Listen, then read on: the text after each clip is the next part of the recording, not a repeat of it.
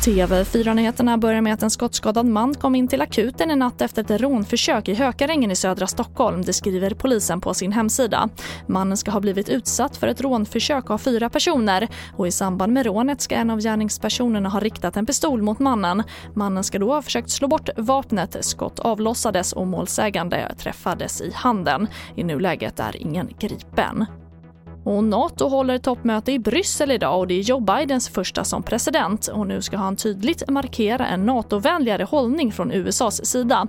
Relationen med Kina och Ryssland ska diskuteras inför Bidens möte med Putin senare i veckan. Men också klimatet står på dagordningen. Och vi avslutar med fotbolls-EM, för ikväll smäller det ju. Det svenska EM-laget tar sig an gruppfavoriten Spanien och det finslipades för fullt på plats igår. Vår reporter Ritva Rönnberg är på plats i Sevilla och rapporterar om god stämning. Jo, men det är en glad och hoppfull stämning och jag räknar med att idag så kommer centrum av Sevilla att vara rätt så gulfärgat av alla svenska över 2000 supportrar som är här och sitter på uteserveringar och dricker öl.